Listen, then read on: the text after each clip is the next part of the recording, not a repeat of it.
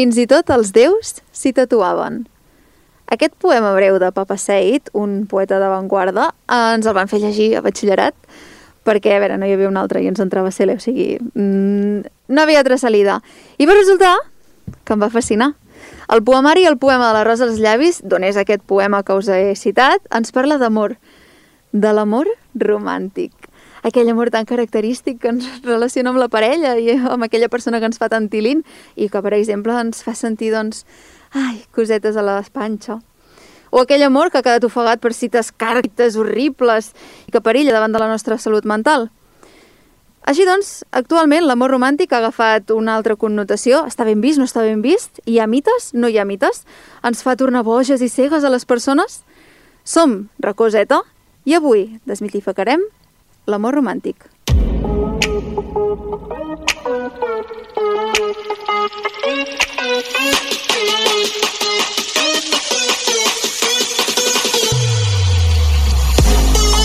Bueno, bueno, comencem a topíssim aquest nou programa aquí a Ràdio Manlleu, el, 7, el 107 FM, en el qual parlarem sense pèls a la llengua de, termes, de temes, de temes, no termes, que ens preocupen als adolescents i joves actuals. Sí, actuals. I així doncs, eh, també aquí en parlem som joves, que parlem sobre temes de joves amb ulls de joves, però que poden arribar a totes les generacions. Ara bé, nosaltres som la generació Z parlant a racó Z. I avui, com hem dit, parlem sobre l'amor romàntic, els seus mites, i veurem si els podem arribar a desmitificar. Presentat el programa, presentem el tremendo, no, tremendíssimo equipo que tenim aquí amb nosaltres. Redoble de tambors per... L'Enric Sitjà, el nostre magnífic tècnic, i sense el qual no estaríem aquí. Uh, vols dir unes paraules, Enric? No, no vol dir unes paraules. Ell, darrere la màquina, com ha de ser. Presentem ara a la Laura Duenyes, estudiant de comunicació audiovisual, amb moltes coses a dir i que no ens deixarà, però és que us asseguro que no ens deixarà indiferents. Laura, com estàs? Estic perfecta. A tope? I amb moltes ganes. Perfectíssim. Importantíssim també, el nostre productor, l'Eloi Rubió, que ens anirà apretant perquè no ens passem de temps, perquè jo tinc molta xerrameca. Laia, de moment vas bé. Vaig bé, vale. Anem bé, però no ens allarguem, si plau, eh? D'acord. I últim, però no menys important, que es diu, eh, però és que ni de tros, Ignasi Redorta, Community Manager de Racoseta, que ens farà passar una grandíssima estona. Seguiu-nos a Racoseta, a TikTok i a Instagram. Vale, aquí he fet tot l'espam del programa, per tant, perfecte. I ara el burro al final, jo sóc la Laia Junquera i intentaré no cagar-la conduint la màquina del programa. Comencem, doncs, Racoseta.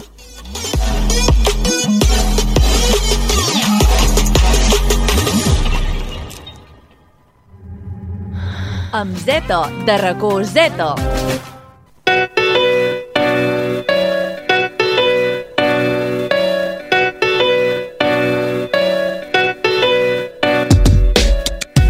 Quan pensem en l'amor romàntic, estic segura que el primer que se'ns ve al cap a la majoria és l'amor ideal. Que si cites, floretes, exclusivitat, passió... Vaja, dues mitges taronges. Sento explicar-vos, però, que això de la mitja taronja és un mite i, a més a més, un mite no gaire positiu. Oh. Oh, sí, sí. I per què dic això? Bé, doncs, això de la mitja taronja surt en realitat del banquet de Plató, que per aquells que no us l'hàgiu llegit, molt interessant i molt recomanable. Doncs el Aquí recomanem cultura, també, eh? Exacte, Cuidao. exacte, així, així m'agrada. Bé, doncs al banquet de Plató, Aristòfanes explica que al principi la raça humana era quasi perfecta. Tots els homes tenien dues, o sigui, tenien formes rodones, quatre braços, quatre cames, dues fisonomies, és a dir, dues cares en un sol cap. Aristòfanes els anomenava andrògins i podien estar compostos per dos homes, dues dones o un home i una dona. Bé, doncs es veu que aquests éssers, quasi perfectes, van gosar tenir la idea d'escalar el cel i combatre els déus. Ton, ton, ton, ton. En aquestes que Júpiter va dir no, no, no. I per aturar-los als peus va decidir dividir els andrògins amb un cop de llamp en dos, condemnant-los a haver de buscar la seva altra meitat tota la vida. Diu a més que un cop trobada aquesta altra meitat, les dues s'abraçaran, sentint el desig de tornar-se a unir. No volem fer res l'una sense Oh. l'altra. Oh. Així que, com veiem, això de la mitja taronja ni és un mite actual, ni comença gaire bé si pensem que en l'origen en realitat és un càstig. Una recerca desesperada d'unió amb la nostra altra meitat de per vida. Tot i això, és una idea que ha perdurat al llarg dels segles i nosaltres a Racoseta ens preguntem per què. Està clar que els éssers humans sembla que tenim la necessitat d'estimar i de sentir-nos estimats per naturalesa. Però més enllà de la naturalesa, podem afirmar que l'amor és, en realitat, una construcció social i cultural que s'origina a partir dels costums, creences, normes i necessitats de les diferents societats i cultures. En les cultures occidentals eh, hem vist com el concepte d'amor romàntic s'ha anat consolidant com aquest amor ideal que comentàvem al principi. De fet, es ven a la societat, a la societat perdó, moderna com l'estat civil ideal enamorar-se, emparellar-se, casar-se, tenir una família i estar junts per tota la vida. Sembla avorrit, no? Classical family. Sí, sí, Molt sembla clàssic. bastant avorrit. Ho veiem en contes, novel·la, novel·les, pel·lis, eh, anuncis... Música, bueno, Ah, una exacte. llista infinita. Infinita. L'amor romàntic convida a sentir-nos exclusius per una persona, que l'amor tot ho pot. Que quan trobem la persona correcta no necessitem a ningú més perquè suposadament ens ha d'emplenar en tots els aspectes de la vida. Ara bé, això dona peu també a actituds controladores, gelosia, possessió... I què passa si ens enamorem de dues persones alhora? Això pot passar? I si no volem casar-nos mai? I, i, I si estem enamorats d'una persona però ens ve de gust mantenir relacions sexuals amb una altra? O fent un pas més enllà, què passa si tenim parella i quedem amb altres persones que no coneixem però ens desperten interès? Abans d'entrar en matèria, parlarem amb l'Eloi i l'Ignasi sobre algunes curiositats.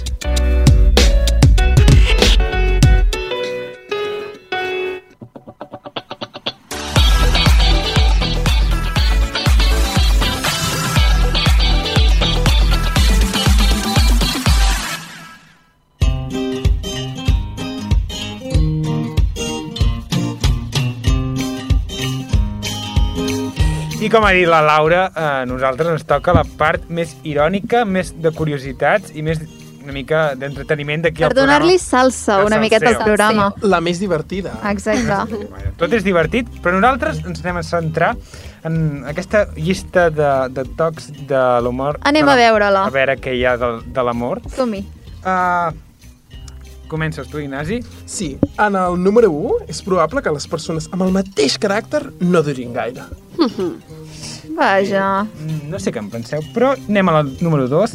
És possible que les persones que són similars en la manera de pensar no durin massa, ja que als humans ens agrada l'oposat. Com sempre, los opuestos se traen, coses Molt típic, sí, sí. Que és el que ens diferencia. Entre les diferències, probablement si discutim i no ens reconciliem i, i passem de tractar aquell tema que ens ha portat a la discussió quan tenim un problema. És a dir, que ens agrada lo diferent, l'oposat, però si xoquem massa i no, no trobem reconciliar-nos, eh, acabarem tallant. I bé, uh, i, i després hi ha una altra cosa. Si, un- si un és més guapo que l'altre, tampoc és probable que dureu gaire. Um, és que a veure, si un és més guapo que l'altre, eh, evidentment, evidentment que s'ha de tallar. Home, és que no, només faltaria. Veus? La cinquena, som-hi! Què us penseu? La cinquena és la més divertida. Òbviament, quan un dels dos de la parella no té ganes de sexe, és que la relació té una durada limitada. Ui, és que ja no li agrada, eh? Ja no li agrada, ui, ja ui. no li agrada. Som joves. Tot és sexe en aquesta No, no, no, vida. no, no. Um, bé, dites la, aquestes coses, um, Aquest una llistat. miqueta iròniques, què més ens porteu? Doncs bé, us portem un llistat de curiositats sobre la desmitificació de l'amor. Que, que són tots reals, eh, els hem tret d'estudis científics de- Wikipedia. d'internet. Wikipedia. Bé, I, I la primera curiositat que, que us porto és que veure la foto de la persona que t'agrada té grans efectes analgèsics, així que si esteu malalts ja sabeu què fer. Uh, encara que sembla increïble, està demostrat científicament que veure la foto d'un ser estimat és capaç de re reduir el dolor de la mateixa manera que el paracetamol. Per tant, Carai. no, no, no preneu paracetamol Ojito, cuidao. i mireu fotos. Clar, aquí també estem parlant no només de l'amor romàntic, sinó de l'amor, per exemple, cap a familiars, cap a amics, O dels crashes. O dels crashes també, clar, evidentment, tu. Abans de prendre't un paracetamol, mira les fotos del teu crash. Exactament.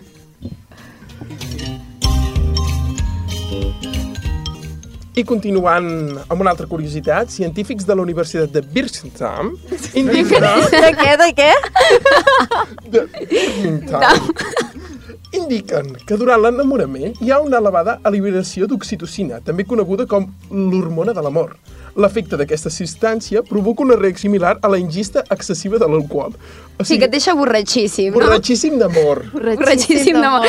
Sona molt romàntic, això, eh? És un concepte molt interessant, de fet, borratxo d'amor. I, de fet, aquí us anava a dir... Um, seria una bona festa. Exacte, No? sí. A- a- Estic emborratxada d'amor. Exacte. Ara, ara que no es poden fer festes, És curiós, eh, tota la part química de, de l'amor, perquè ens centrem en el sentiment, en la- en en l'estat d'ànim de la persona, però a nivell químic, ojo, que també passen Passen coses. coses, sí, sí. i quan dura l'amor romàntic? Doncs un any o menys. Per tant, Ah, els, que porteu, això. els que porteu més, us he de dir que no esteu enamorats. No em diguis això. És un altre tipus d'amor. Ho diu Birmingham. vale, vale. Sí, Sí, Birmingham. Nosaltres ja està. li farem cas. Evidentment. Uh, una una, en una relació amorosa entre dues persones està dividida en dues fases, que ara amb l'Ignasi us explicarem. L'amor romàntic eventual, en el qual estem eufòrics per aquella persona que ens agrada tant, ens posem nerviosos, la famosa, les famoses papallones a l'estómac. I segons els, els experts no són papallones, lògicament, és adrenalina que, que ens dona quan estem amb, amb aquesta persona. Quines ganes de tallar el rotllo, aquesta gent, eh, de veritat. Papallones de tota la vida. Però és una mica raro, les papallones a l'estómac i això. Bueno, no, no. raro per és, tu, és, serà. És, exacte. És adrenalina pura i dura i ja està. I bé, aquest cicle només dura un any. Per això us deia que l'amor romàntic només dura un any.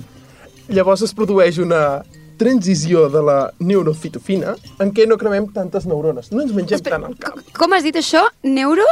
Neurofitofina.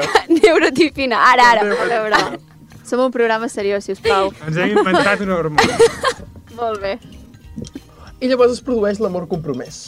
El moment en què consolidem aquest amor i perdem les inseguretats cap a aquella persona i ens estimem aquella persona d'una manera diferent, O més sigui, consolidada. ens la suda tot el que pensi, no entenc, i ja, ja, bueno, ja, és, és ja la coneixem. dir que passes d'aquest estat d'embogiment, de, d'embogiment, no?, a un estat com més estàtic, Relaxació. més... Exacte. Sembla molt avorrit, també.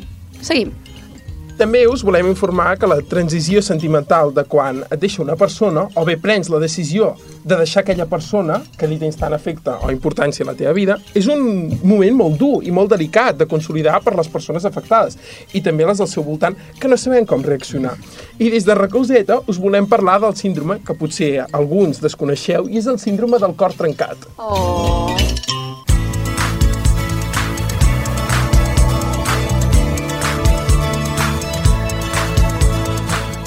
Doncs això, com segons us- hem informat des de Racó Z, el síndrome del, del cor trencat és un, un símptoma cardíac temporal que sovint es provoca per situacions estressants i, emocio de, i emocions es- extremes. Com- Això, quan ha dit l'Ignasi, que, que perdem aquesta persona.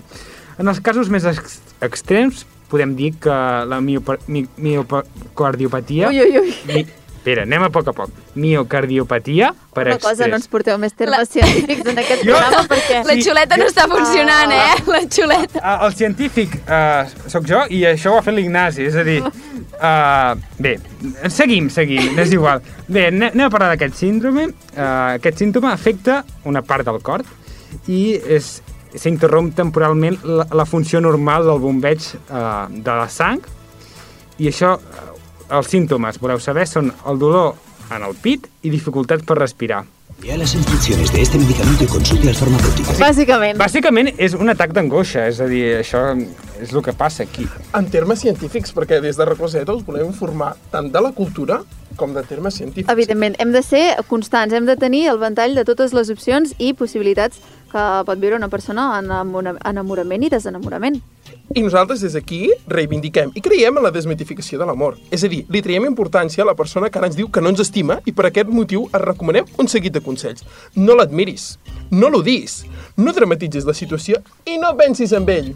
Passa ella. d'ella. Pa, Amb ella, exacte. Com ella. Pa, passa d'ella i ja està, ja està. I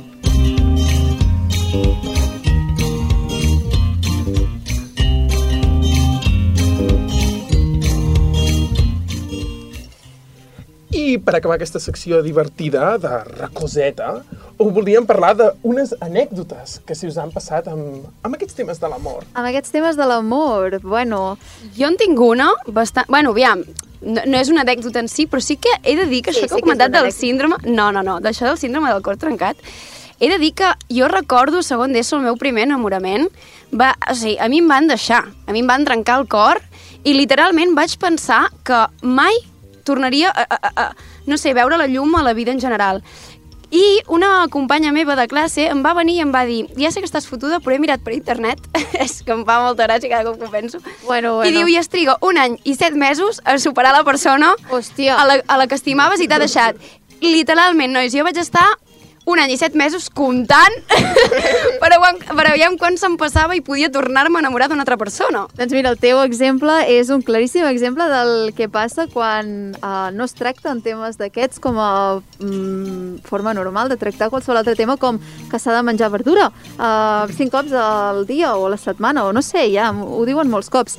Um, la qüestió, hem parlat de, irònicament, evidentment, sobre alguna, alguns dels temes uh, que pot provocar, coses que poden provocar científicament l'amor romàntic o el que et trenquin el cor. Um, ara bé, totes aquestes ironies, evidentment, les fem com a crítica. Per què? Perquè realment um, passa, com bé dius tu, Laura, la Laura de segon d'ESO, de 13 anyets, eh, con el corazoncito roto, uh, es va creure una cosa així. Per què? Per la desinformació. Llavors, què volem aquí? Aquí volem informar i volem uh, també parlar una miqueta de que, uh, sí, molt bé la parella, no sé què, però i si eh, no vols tenir parella o i si eh, no és la monogàmia la teva cosa que eh, vols eh, tenir com a relació eh, més enllà d'això jo ja callo i passem a parlar amb un expert sobre els mites de l'amor romàntic i a veure si els podem desmitificar una miqueta. Experts, convidats, curiositats i molt més cada setmana a Racó Zeto. L'amor és un tema universal sobre els quals els grecs escrivien i Bad Bunny encara canta. El pas dels anys, doncs, no ha sigut un impediment per l'amor, però sí que ha anat creant i arrossegant certs mites que perduren a dia d'avui i els tenim molt, però que molt, fins i tot massa, presents. Anil Mandrena, psicòleg especialitzat en teràpia de parella, sexualitat i adults i director del Centre Sigma de Barcelona, està aquí avui amb nosaltres per parlar-nos d'aquests mites, veure d'on venen i el perill que suposa seguir-los. Aclarir abans que tots aquests mites dels que parlarem són mites occidentals. En altres llocs del món, el, els mites i la creença de l'amor es viu d'una altra manera i, per tant, és diferent. Nosaltres parlarem del que coneixem, del que vivim aquí a Occident. Què tal, Nil? Com estàs? Molt bé, content d'estar aquí. Que bé. Nosaltres estem molt contents també de tenir-te aquí. Els mites sobre l'amor. Comencem ja directes. Reals o fantàstics? Venen de molt lluny? Bueno, sí que venen de lluny, de fet, com una mica el nom indica, venen de l'època del romanticisme, que això és el segle XVII, i representaven en les novel·les, en l'art, en el teatre, vull dir que és, d'alguna manera és allà on, on es veu representada aquesta part de l'amor, però també, jo crec que ve de més enrere, eh? el que passa que no tenia aquesta, potser aquesta representació. Reals o fantàstics? Clar, a veure, re- és real perquè existeix, eh, ho trobem en els llibres, en els contes, a les pel·lis, en les relacions, vull dir que és algo que existeix, però crec que és important entendre que és una construcció social, que és algo que hem, que hem creat els homes, les persones, no? I, i que no és algo que sigui natural, que no és que, que ens vingui de naturalesa. També jo crec que parlo en nom de totes i tots, quan dic que d'adolescents tenia uns certs referents que potser no eren els més correctes, en base a aquests mites. És el que deies tu, de, del cinema, sobretot, més que tots els llibres, però el cinema també ha perjudicat o ha donat molta veu a aquest amor romàntic. El meu, amor... est el meu estimat cinema a vegades en fa de les seves i et vull preguntar que tenir referents que no siguin uh, aquests dels mites o que contrastin suposa no caure en aquests mites o s'hi pot caure igual? Bueno, jo crec que um, és complicat que no, no tenir aquests referents perquè estan tan presents a la societat que d'alguna manera o altra ens arriben, no? Eh, crec que és molt important ser conscients i, i entendre eh, els perills una mica que, que comporten seguir aquests mites i identificar-los. No sempre és fàcil, eh? a vegades ve d'una manera més, més eh, amagada no? i a vegades d'una manera més clara. Um, però sí, jo crec que, que avui dia, sobretot cada cop més, es pot entendre l'amor des de molts angles, des de moltes maneres diferents, però encara tenim un, un... se li dona molta importància o té molta rellevància aquesta part dels mites. Clar, i això ho podem relacionar també en què, evidentment, cada persona és un món i, per tant, cada relació és un món. Um, però, ara bé, hi ha potser algun origen en... A veure si m'explico, eh? Perquè jo també Sí. aquí, cuidao. Um, la idea és que en aquests mites a vegades poden causar problemàtiques, com bé deies, o seguir aquests uh, mites doncs pot acabar en pues, una relació tòxica, una relació que no sigui um, una ideal, entre cometes. Um, aquests mites tenen un origen, poden causar aquestes, aquestes problemàtiques? Sí, tant, de fet. Una gran part, si no la majoria dels problemes que tenen les relacions, que almenys a les que jo veig i que em venen a consulta, tenen a veure amb molts d'aquests mites. Eh, N'hi han molts i realment eh, el problema és que tenen, molts tenen com una mena de connotació positiva, no? Sembla que hagin de ser algú eh, que, que et porti doncs, la felicitat i que et porti doncs, a viure la vida com molt plenament, no? I, en canvi, eh, hi ha uns riscos i, i hi ha un, una sèrie de problemes que s'amaguen al voltant d'aquestes idees que, que molta gent potser no, no els hi dona prou importància i després això acaba amb, amb problemes molt grans, amb relacions de merda, parlant així en plata, Mm -hmm. i, i costa molt de trencar a vegades aquestes, aquestes relacions. Clar, és això dels ideals que podríem dir. Sí, algo com el príncep blau, no? Entenc que aquestes relacions bueno, que ara que hem parlat abans de mites no? del cinema, del príncep blau de tota la vida, que tot és perfecte, no hi ha res uh, que espatlli aquella felicitat, no? Entenc. I la donzella en apuros Exacte. també. Um, però és això, els ideals, el que havia a la fi, no només en l'amor, això també ho veiem en moltes altres coses, s'han- es van trencant al llarg del temps i amb l'evolució de, de les persones i de la societat i pues, gràcies al cel, per dir-ho d'alguna manera, que a vegades és així. Eh, Digues, eh, digues. És el que deies de les relacions tòxiques, és a dir, és un és un, uh, una nomenclatura que fa poc o que es fa servir. Abans ningú identificava una relació com a tòxica, fa uns anys. Ara poder, segur que, ara poder ens ha ajudat una mica a identificar aquestes relacions tòxiques. Que I potser tu dius ara, oye, pues, aquella relació que vaig tenir antanyo, potser ho és. Mm. Sí, abans es vivien com a normals relacions on, per exemple, posar un exemple, doncs, la dona estava molt sacrificada i, i la seva rol una mica era complaure a l'home, no? I, i com una manera de, de que l'amor doncs, eh, ho ha de poder tot i que és la finalitat eh, i l'objectiu final una mica de, de, de la vida, no? I, I jo crec que la gent que entén l'amor d'aquesta manera eh, posa molt en risc la seva llibertat com a persona, no? Eh, ja anirem entrant, suposo, però um, això és una, un, un tema, de, això que deies, de, de les relacions tòxiques, ve una mica de començar també a identificar eh, tipus de relacions que, que, que et perjudiquen a tu com a persona i que t'ataquen a la teva dignitat i que doncs d'alguna manera et fa perdre tota la llibertat, fins al punt d'arribar inclús a la violència i, i, i si això es normalitza és molt perillós. Poca broma amb l'amor que uh, la podem liar a part. Anem a concretar una mica més uh, aquests mites, que ja n'han sortit uns quants sí. superinteressants. Um, perquè hem parlat de mites, exacte, però quins existeixen uh, exactament? Em menjo el micro, perdoneu. Uh, comencem pel clàssic, el Barça-Madrid dels mites, l'MVP. Um, ui, totes les meves amigues i amics tenen parella i vaja, és que jo n'he de tenir perquè és que estic incompleta sense una altra persona i necessito tenir parella, enamorar-me, uh, què hago? M'enamoro de la primera persona que passa?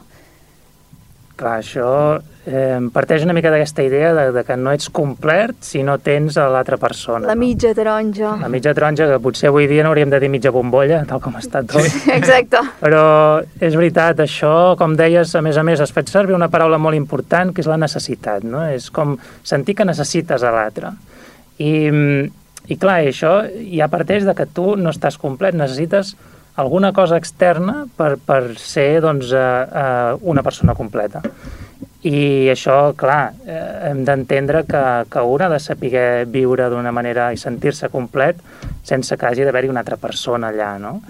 Um, però sí, aquest és un dels clàssics i un dels que porta més, més dificultats moltes vegades de, d'entendre l'amor des d'una altra, des d'una altra manera, sí. És molt fantàstic dir que això que tens, hòstia, he trobat la meva mitja taronja. Doncs pues no, som taronges completes, no? Aquesta necessitat... És, és la pressió social, no? Entenc que... I també ho podríem relacionar una miqueta que aquesta pressió social, eh, des del meu punt de vista, sense saber-ne, eh, s'intensifica més potser en, el, en, en les dones, aquesta eh, necessitat de, hosti, si no tinc parella seré la tieta con gatos eh, cinquentona, pues molt bé si ho ets, o sigui, no cal una altra persona, no, però clar, aquesta és la visió que tinc jo ara, però hi ha moltes persones que encara potser no tenen aquesta visió i que aquesta necessitat de, de tenir parella eh, doncs acaba acabant en els dinars familiars de, hòstia, que no tens nòvio ja als sis anys. Sí, sí. Clar. Sí, sí, això és un cunyàs i passa cada dos per tres.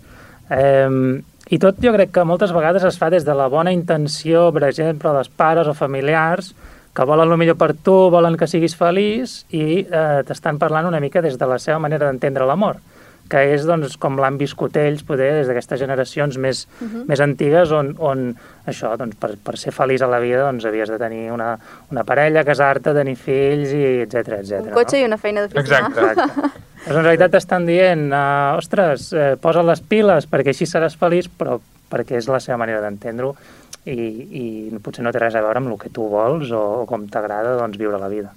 Totalment, clar, és que és això, i em quedo esgarrifada de, o pensada quan em preguntaven que tens nòvio ja.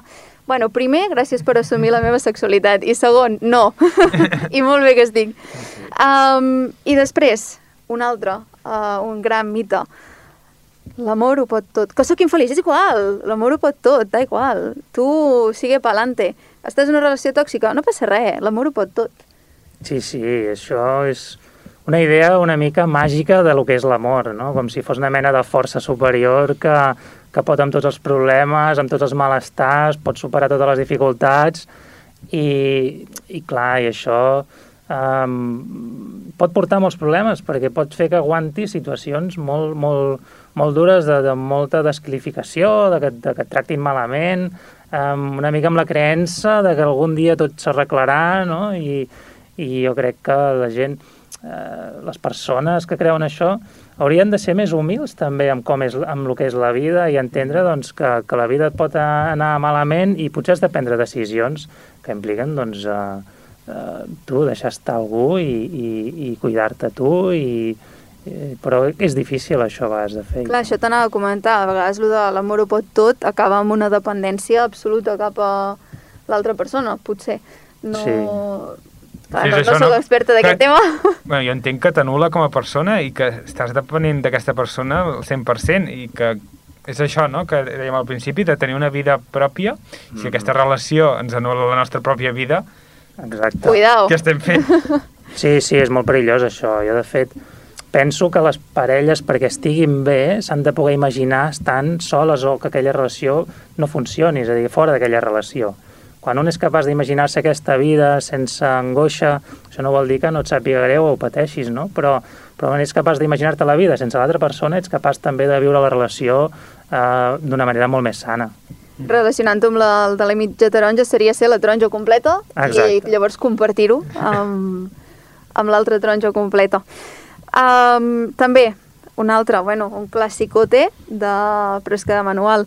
Si té gelos és que t'estima. Hosti, aquí enviant-te missatges a la disco a les 4 del matí, on estàs, què fas?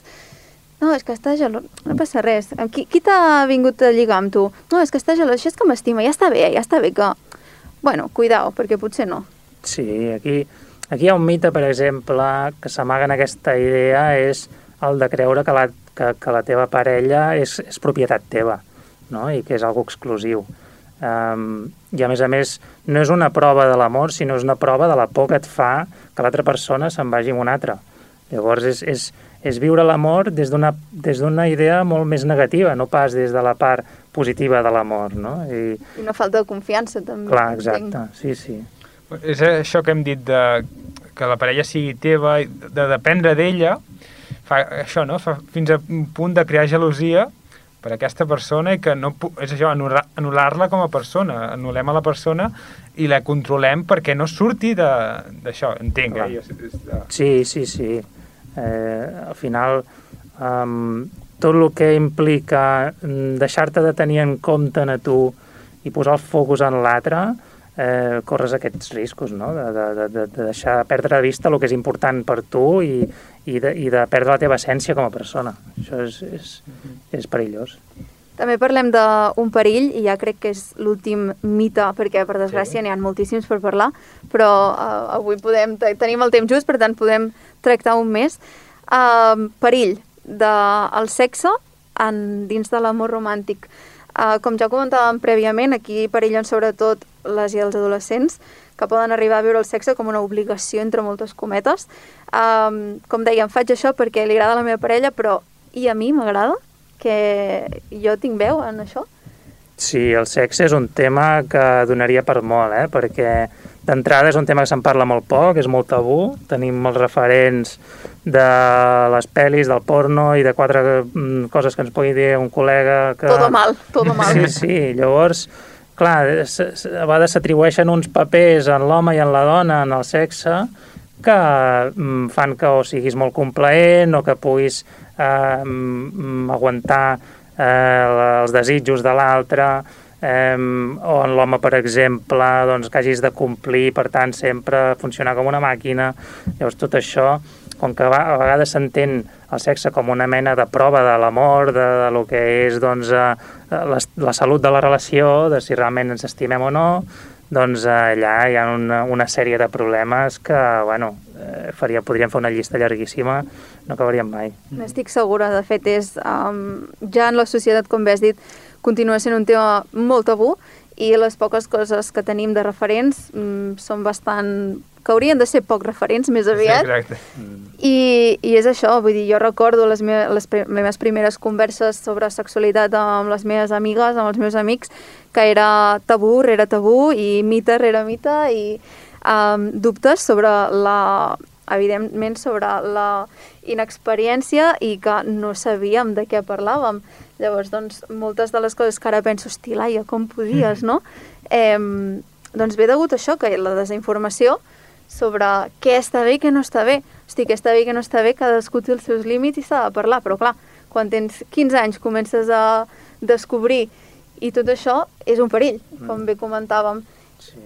Llavors, sí. clar, aquí uh, hi han riscos, que ja n'hem parlat de, de molts, però per concloure una mica, els grans riscos de caure en una, bueno, dins del pou d'un dels mites, per dir-ho així més uh, Exacte. general, O, o què et trobes tu en, que, Sí. aquests, amb aquests mites? Què implica? Jo crec que um, el més important és no perdre's com a persona, és a dir, tenir molt clar qui ets, què vols eh, i mantenir el teu, el te, la teva dignitat com a persona um, per no caure en la dependència o no caure en situacions de maltractament.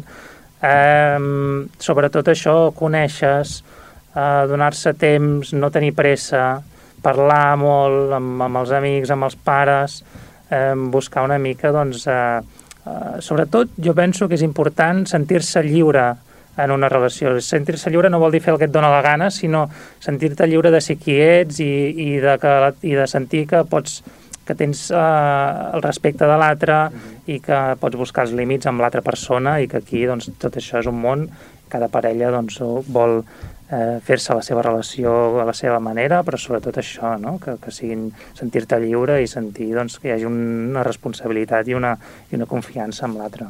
ser tu mateixa, ser tu mateix, Exacte. doncs no hauria tingut mai tant sentit com, com ara del que estem parlant. Jo crec que, uh, i parlo des d'evidentment la meva opinió, uh, és essencial sentir-se lliure, perquè si no, doncs apaga i vámonos. Exa- Exactament. Cuidao. És això. I, I bé, doncs, um, no sé si vols afegir alguna cosa més que hagis trobat a faltar, perquè clar, nosaltres no som experts Exacte, d'això, nosaltres- per tant, per això mateix estàs tu aquí, per donar aquest punt de- de- d'experiència de, en casos tractats sobre aquest, bueno, de persones que han caigut en aquests mites, que hi hem caigut tots, eh? Vull dir, aquí no, ens, Exacte, sí, sí. no ens en salvem ningú.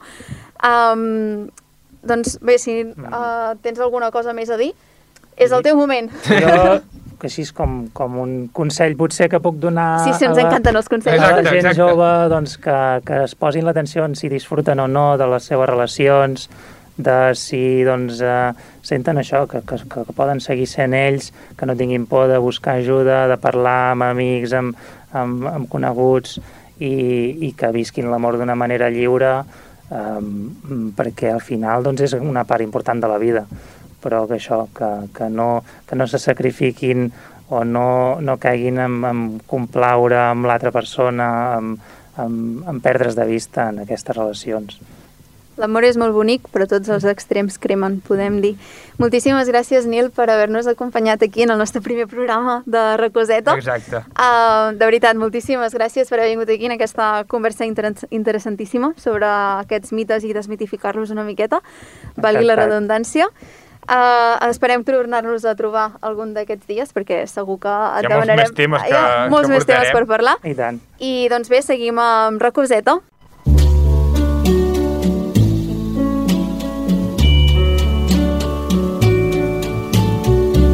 Wise men say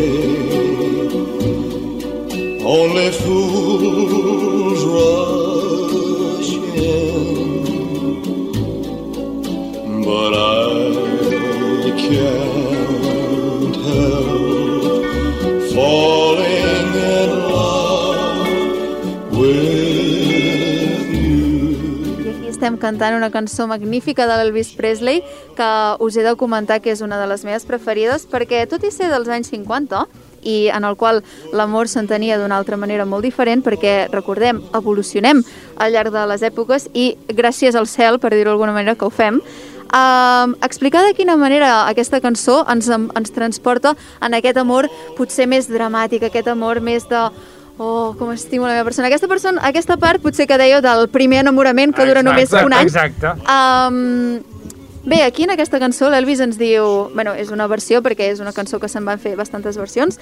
Uh, L'Elvis ens diu uh, només els tontos, els tontos cauen en l'amor. Uh, hòstia, però et diu, però jo no puc evitar um, Caure, no? caure en l'amor per tu, o sigui, falling in love directament és uh, enamorar-me de tu, no ho puc evitar. Per tant, aquí ens transporta una miqueta aquest ideal de, uh, hòstia, no puc evitar uh, l'enamorament, això de no triem de qui ens enamorem, no escollim Exacte. els nostres Sí, sentiments. Um, evidentment, ara, uh, quan anem navegant per les èpoques uh, a través de la música i descobrim de quina manera es tracta uh, l'amor a través doncs, això de la música uh, al llarg de les èpoques, veurem que en el futur això de, hòstia, eh, jo estic molt bé aquí sola, viva, no sé què, vale, però què se n'ha fet de les grans balades romàntiques, aquelles que podies plorar moco tendido i agafar els clínex? Per favor, una mica d'Elvis a la vostra vida, home! Bueno, ja bueno, està. això, Bueno, això, bueno. això, ara ho veurem. Ara ho veurem amb les Ara veurem a veure cançons. si és cert, però aquí l'Elvis ens ve a dir això. Ara escoltem una altra cançó dels anys 61, de l'any 61, a veure si en aquests 11 anys que va avançar, va avançar una mica la cosa, o què?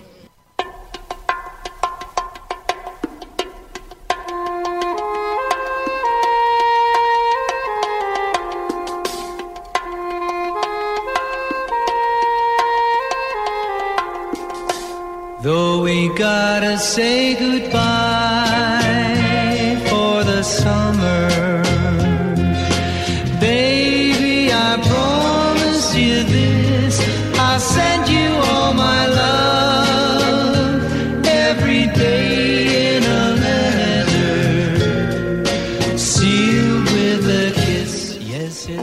transporta Bobby Vinton en aquesta versió de Sealed with a Kiss, uh, una cançó de, que la va gravar i la va treure l'any 1961. Uh, ens transporta una miqueta aquest ideal potser més uh, medieval, una miqueta també doncs, uh, barroc, de uh, escriure cartes d'amor, no? escriure uh, tot aquest, doncs això, una altra balada romàntica que tants uh, blandengues ens posa a vegades.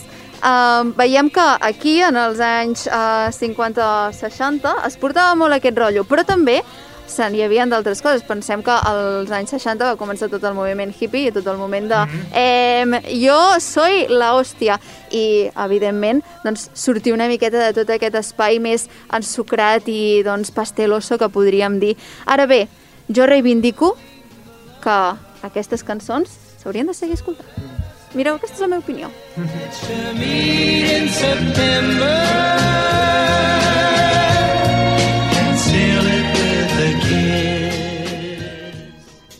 I want to break free.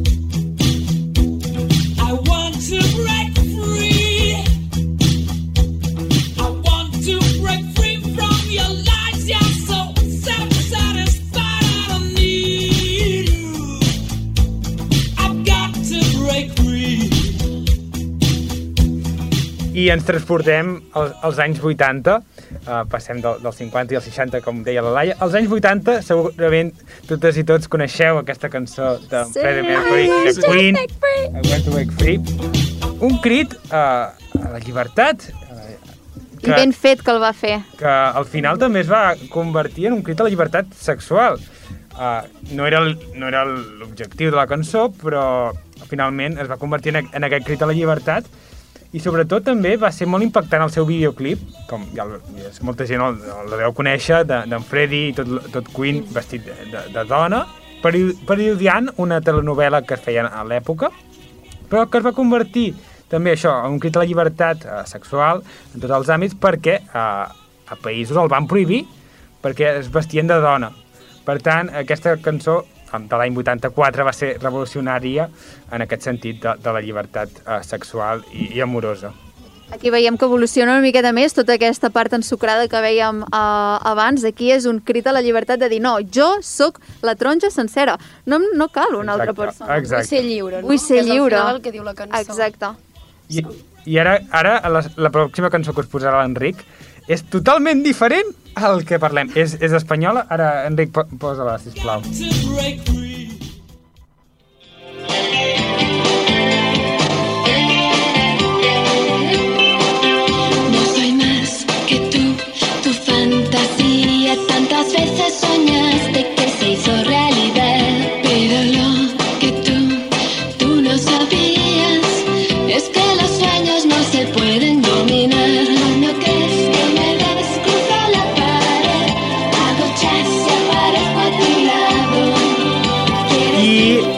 La cançó que hem escoltat abans passava al Regne Unit, a l'any 84, i aquesta és de la mateixa època, és de la movida madrilenya, de l'època de la movida madrilenya espanyola, i podeu veure que la cançó ha canviat una mica el registre. Una miqueta.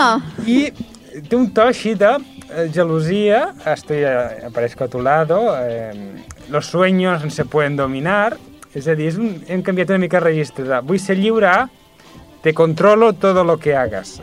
Y lo voy a hacer y me, y me parece estupendamente. Per, i per això és una mica aquest, aquest canvi de registre.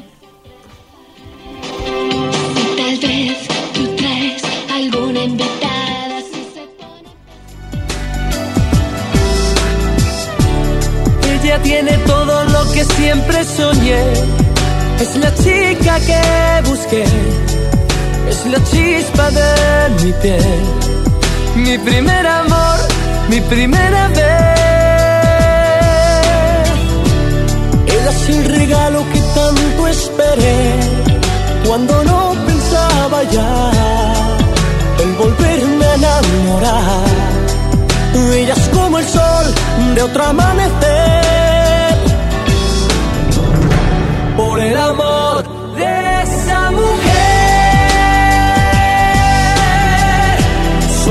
Dos hombres con un mismo.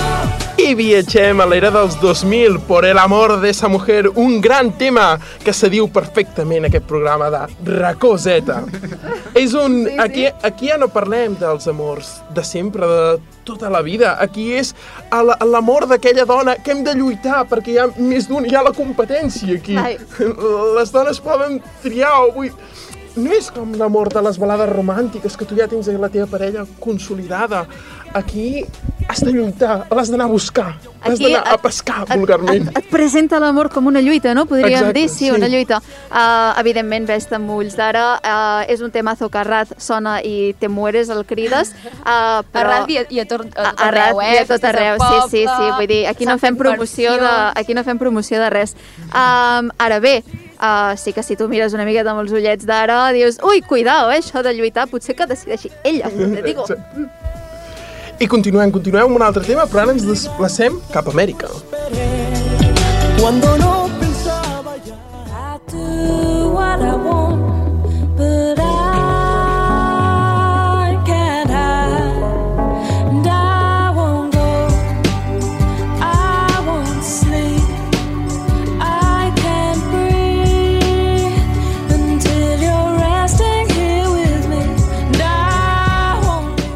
Aquí amb tu. És el nou tema que va treure la, la cantant i compositora la Dido dels Estats Units. Amb aquesta cançó es tracta d'enamorar amb ell i dir-li jo estaré aquí. Li va dedicar al seu exnòvio, crec que aquesta. Sí, li va dedicar al seu Sí, exnovi, sí. que la va deixar, és un amor trencat, i ella li diu, jo és estava un aquí. corazoncito roto. Jo... Sí, però jo estic aquí encara, per si vols tornar a venir amb mi i m'estimes. Uh, bueno, si una cosa podem veure és que uh, la, o sigui, la música retrata, igual que les pel·lícules en la història real, retrata una miqueta eh, l'època, però els tòpics de l'amor persisteixen. Vull dir, estem parlant dels mateixos tòpics que estàvem parlant als 50-60. Exacte.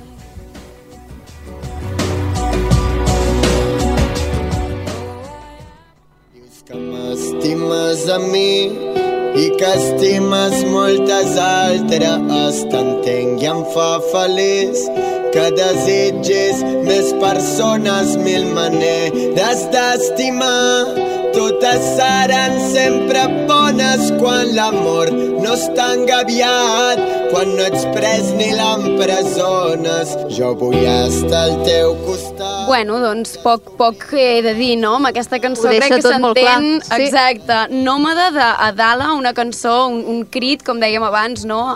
a la llibertat d'inclús estimar alhora a, a diverses persones, no? que és el que ara eh, estem sentint tant i sembla que bueno, hi ha gent que s'atreveix, hi ha gent que no, i, i veurem aviam què passa amb això del de, del poliamor.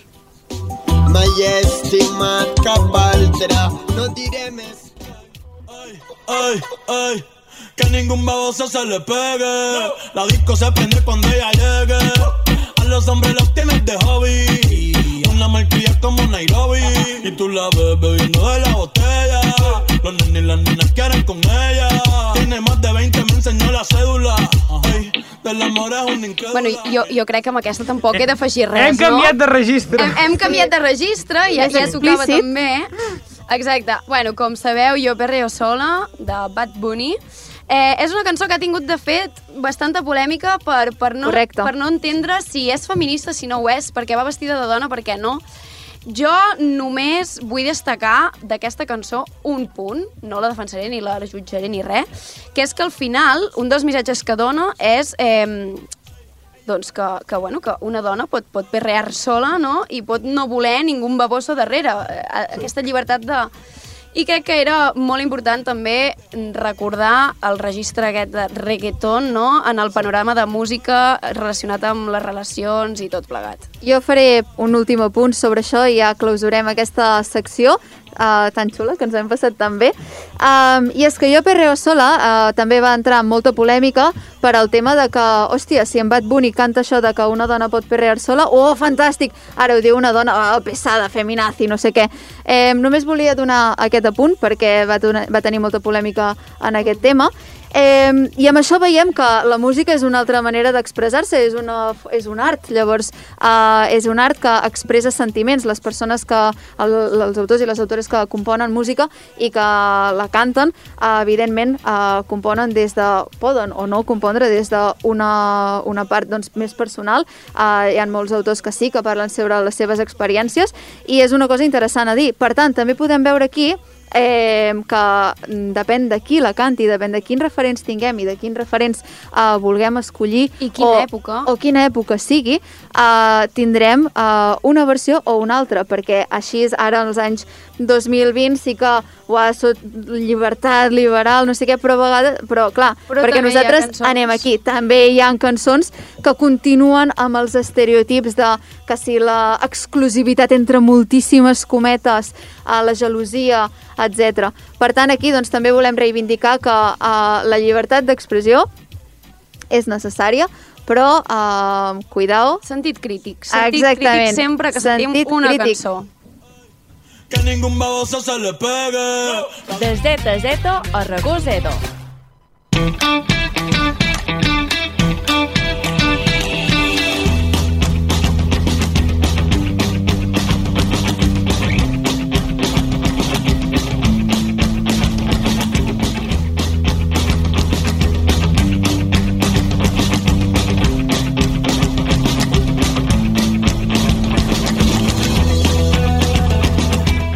Parlat amb en Nil Mandrena, psicòleg, que ens ha expli- explicat doncs, una miqueta què és el tema de uh, desmitificar quins són els perills de seguir aquests mites. Ara bé, la teoria, perfecta, però la pràctica. Uh, tenim amb nosaltres la, Malu, la Mar Oliver, psicòloga també, i que actualment està cursant facilitació en conflictes i, i gestió emocional i comunicació no violenta. Uh, per trencar el gel, aquí et volem parlar. Hem estat parlant tota l'estona que si les relacions romàntiques, que si les parelles, que si no sé què, però parelles actualment encara està molt arrelat que el terme parella sigui monogàmia. Què passa amb la poligàmia? Com entens tu l'amor? Què troba de la monogàmia o la poligàmia? És a dir, mm, sempre que sigui consensuat, sempre que ho parlem, sempre que ho puguem expressar, fes el que vulguis, fes com et trempi, està tot dintre del que podríem dir una anarquia relacional. És a dir, si en un moment de la meva relació o en un moment amb una relació de totes les relacions decideixo una cosa diferent, si la consensuem, si la parlem, si amb tota l'assertivitat del món ens comuniquem, mm, no és excloent uh, o no s'exclou, diguem, una cosa de l'altra. Està Clar. tot bé. La cosa és que tu puguis triar, no? que tu siguis la qui tries i tinguis l'autonomia de vot. Entenc que, evidentment, totes les crítiques que es fan a la poligàmia actualment eh, venen del desconeixement pur i dur, del fet de, hòstia, és perquè és que eh, amb això del compromís no és lo seu, no sé què. Parlo des de coses que he sentit Uh, no sé què, què volies dir tu, Laura, Sí, respecte no, a això. jo de fet volia dir que, que tu creus en la poligàmia llavors? O sigui... Jo practico la poligàmia. La practiques. Poligàmia des d'un sentit on les relacions afectives i sexuals que mantinc uh, tenen el mateix valor per igual, diguem-ne, no? Però aquesta poligàmia no impugna els valors des del vincles, la importància de l'amor i el compromís, o no subestima tampoc la profunditat d'aquests sentiments que ens poden sorgir, sinó tot el contrari, es vol remarcar o es vol fer des d'una visió molt més oberta on puguem parlar les coses. Llavors entenc que, evidentment, la, la poligàmia um, està molt allunyada d'aquests uh, mites actuals que se'n poden uh, trobar al voltant. Doncs com, per exemple, dèiem abans que si eh, aquesta llibertat excessiva que es veu amb ulls crítics i que, no, com bé dius, no és així. Um, no sé com entens tu també, uh, i voldria que ens ho expliquessis, sobretot de cara als joves i adolescents, uh, els, si hi ha referents, si no hi ha referents sobre la poligàmia, perquè, evidentment, um, quan tu tens 14 anys uh, se't planteja des dels contes de Disney i que si les pel·lícules, etc que has d'estar amb una parella i una persona, tu i la parella, i ja està. Um, creus que és necessari més referents? N'hi han, no n'hi han, actualment? Actualment, per mi, el referent que m'és molt útil com a bandera és el Joan Carles Pérez Cortés amb el seu llibre d'Anarquia Relacional, la revolució des dels vincles i ocupar amb K els vincles. I, mm, i sí, ens parla una mica de, de... Aquesta bandera és tan important perquè poden sorgir tant tant a mi em poden sortir gelos, necessitat de sentir-me especial, sensació de soledat, de, de sentir-me única, únics, i no significa que tinguem tares o faltes de maduresa o ausència de voluntat de millorar. Són conductes, com diu el Joan Carles, que requereixen de suport i de solidaritat, principis, finalment, i principalment del pensament anarquista. Llavors, exigeix una introspecció, com diu ell, una comunicació i una assertivitat per evitar que les nostres necessitats i ferides del passat que totes tenim siguin la justificació de pautes autoritàries. Tu ets meva.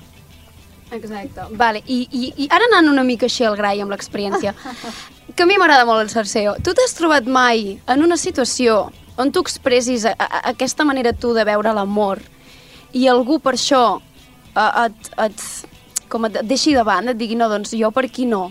O al revés, o algú, o, o quin és el tant per cent, el tant per cent de, de persones que t'has trobat que, que compartien aquest pensament o... O que no l'acceptaven. Sí, exacte. Explica'ns una mica, aviam, això. Amb les que em relaciono, Uh -huh. sexoafectivament, Sí, amb les que, o... o amb les que ho, has, ho fas o amb les que has volgut i potser t'han dit que, hòstia, per aquest camí jo no hi passo. Clar. No ho sé. clar, cada persona i cada relació és un món, no? I tu vas trobant i tu vas fent. Llavors sí que surto des de poder explicar abans de, de començar a compartir. Bé, començar a compartir ja és algo que sorgeix, no? I com heu parlat vosaltres d'aquest enamorament, aquesta eufòria, aquesta dopamina, jo no la controlo en el meu cos, però la detecto i m'agrada detectar-la. Llavors, sé i tinc al meu cor les persones que són importants per mi, que tenen un valor, ja sigui per la confiança que hem arribat a tenir amb el temps, ja sigui per, per la història que compartim. Llavors, jo ho explico, jo t'explico que tinc una parella a Letònia, que estic compartint una relació sexoafectiva a Catalunya, que segurament quan me'n vagi a Mallorca de viatge trobaré el meu amic o la meva amiga, Uh -huh. en la que m'agrada compartir estones i a vegades hi ha sexe, a vegades no, i està perfecte. Llavors, si a tu no et va bé o no et va bé després, parlem-ne. Exacte, vale, vale. Això és, És que- interessant, eh? El punt clau d'aquí no és si t'agrada o no t'agrada, si et sents... algun- És parlar, no? I Exacte. expressar-ho els dos. Això anava a dir, has dit la paraula clau, la, el parlem-ne, la comunicació, perquè al cap i a, fi, i a la fi estem parlant de una parella, no és, uh, o sigui, és una altra, mane és una altra manera d'entendre l'amor, eh, són un altre tipus de, de parella, i que uh, se n'ha de parlar perquè evidentment, um, com recalco um, no conec a masses uh, adolescents i, i joves que tinguin coneixença profunda sobre el poliamor, sobre què és, què no és, uh, desmitificar una miqueta el, el poliamor i evidentment doncs, després veure si és vàlid per elles o, o per ells, si és una cosa que um, volen practicar o no volen practicar, però que hi hagi l'oportunitat, que hi hagi el referent, perquè a mi, per exemple, ningú me n'havia parlat, el vaig descobrir Exacte. molt de, de, de gran. De fet, una de Bueno, les... aquí com si tingués eh, 50 anys, però no. Però, de fet, una de les preguntes que et volia fer és aquesta, um, aquesta manera de veure l'amor i, i, i de, bueno, d'exercir-lo, no sé molt bé com dir-ho, uh -huh. uh, des de quan? O sigui, ha sigut més amb, amb l'edat que t'has format i has vist aquesta finestra? O, o, o tu ja sempre has tirat una mica... Per... O sigui, explica'ns una mica aquest procés, no?, per arribar a aquesta conclusió i tenir aquest discurs uh, tan, com, com dir-ho, no?, liberal, o, o que sembla tan liberal. Clar, quan ets petita tens menys barreres mentals, menys indicacions, i comences a escoltar i comences a fer, i hi ha un moment que com a nina jo penso, si ara em donessis un paper i un boli i volgués dibuixar la meva vida, jo la faria així com m'esteu dient. I aquesta simple eh, qüestió, aquest qüestionament del que m'està imposant l'Estat, ja sigui com a dona, ja sigui com a, com a, sí, com a figura estructural, jo ho vull fer així. I clar, uh, si jo estimo un arbre, estimo a la persona i jo sóc l'amor que m'inspira la vida, no les persones tampoc que m'inspiren. Vu- vull dir, no les persones que m'estimen, sinó les persones que jo estim. Llavors, l'única remarc de la monogàmia, si et va bé, perfecte, però et demano, és el que vols?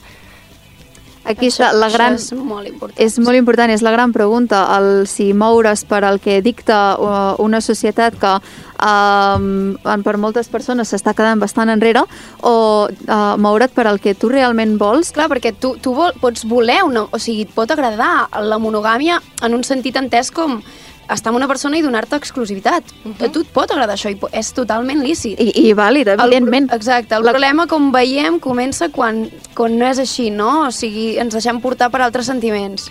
Clar, aquesta exclusivitat sexual i afectiva quan no pensem que és admissible és perquè suposa una coacció o una prohibició de la persona.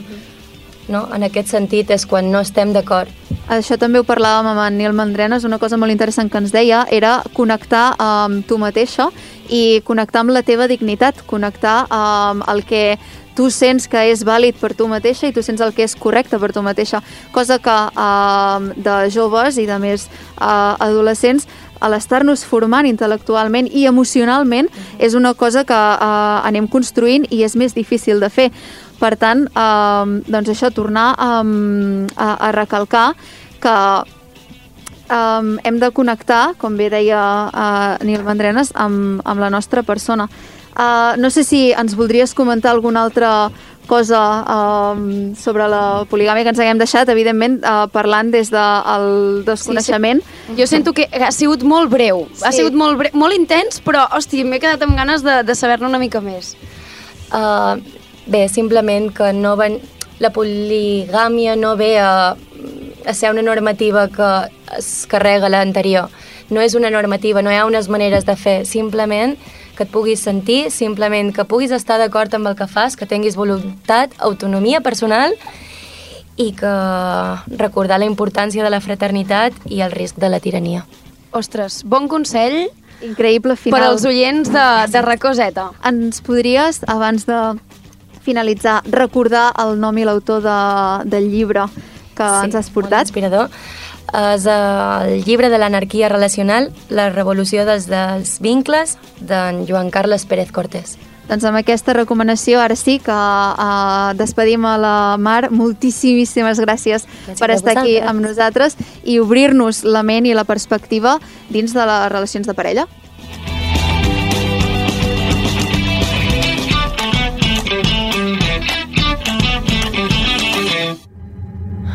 Amb Zeto, de racó Zeto.